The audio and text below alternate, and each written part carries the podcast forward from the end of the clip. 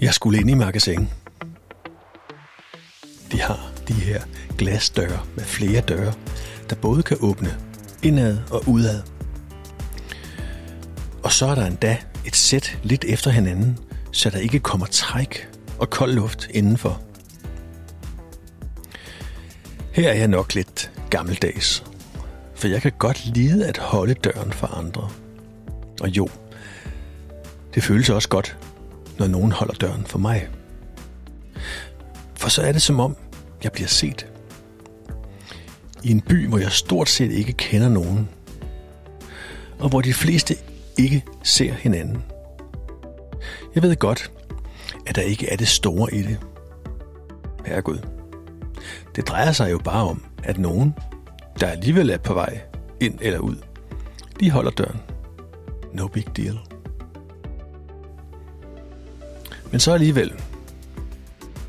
Jeg holder meget af de ting, store eller måske bare små, der holder vores samfund sammen og gør det til netop et samfund.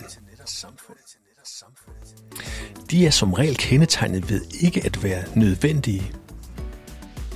Det er for eksempel ikke nødvendigt at hilse på ekspedienten i supermarkedet, eller at holde tilbage for en, der har svært ved at komme ud i trafikken, eller holde døren.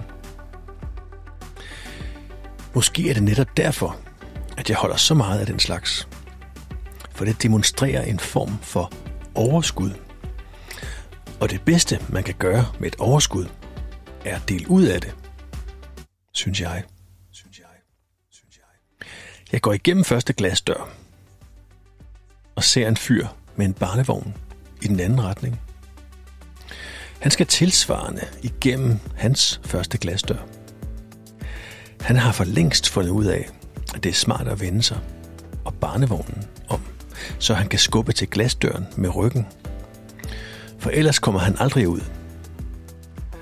Jeg skynder mig at komme ham i forkøbet og går hurtigt hen og åbner døren. Han har allerede nået at vende både sig selv og barnevognen, så han bakker faktisk gennem døren, selvom den nu står helt åben. Han takker samtidig med at jeg bevæger, bevæger mig videre ind i magasinet. Den slags er jo ren standard, så jeg tænker ikke så meget over det. Bortset fra, at det virkelig lød, som om han sagde, Tak Simon. På vej op ad rulletrappen kan jeg ikke helt slippe tanken om, at vi måske rent faktisk kender hinanden. Jeg er stadig ikke helt sikker, men jeg tror, at det var min datters favoritpædagog fra dengang i børnehaven for mange år siden. Når jeg holder døren for andre, er det så mest fordi jeg får noget godt ud af det? Eller er det for andres skyld? Det tænker jeg tit over. Og jeg kommer hver gang frem til, at det både er for andres skyld og for min egen skyld, at jeg holder døren eller slipper andre ud i trafikken. Min næste tanke er, er det så bare en egoistisk tankegang? Nej, det synes jeg ikke. Jeg synes virkelig, at det er en win-win tankegang.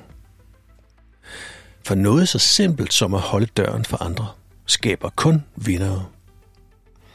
Ham med barnevognen vandt, fordi jeg hjalp ham. Og jeg vandt, fordi det føltes godt at hjælpe andre. Af en eller anden grund har jeg altid haft en lille djævel i baghovedet, der har fortalt mig, at jeg skal passe på ikke at blive for glad selv.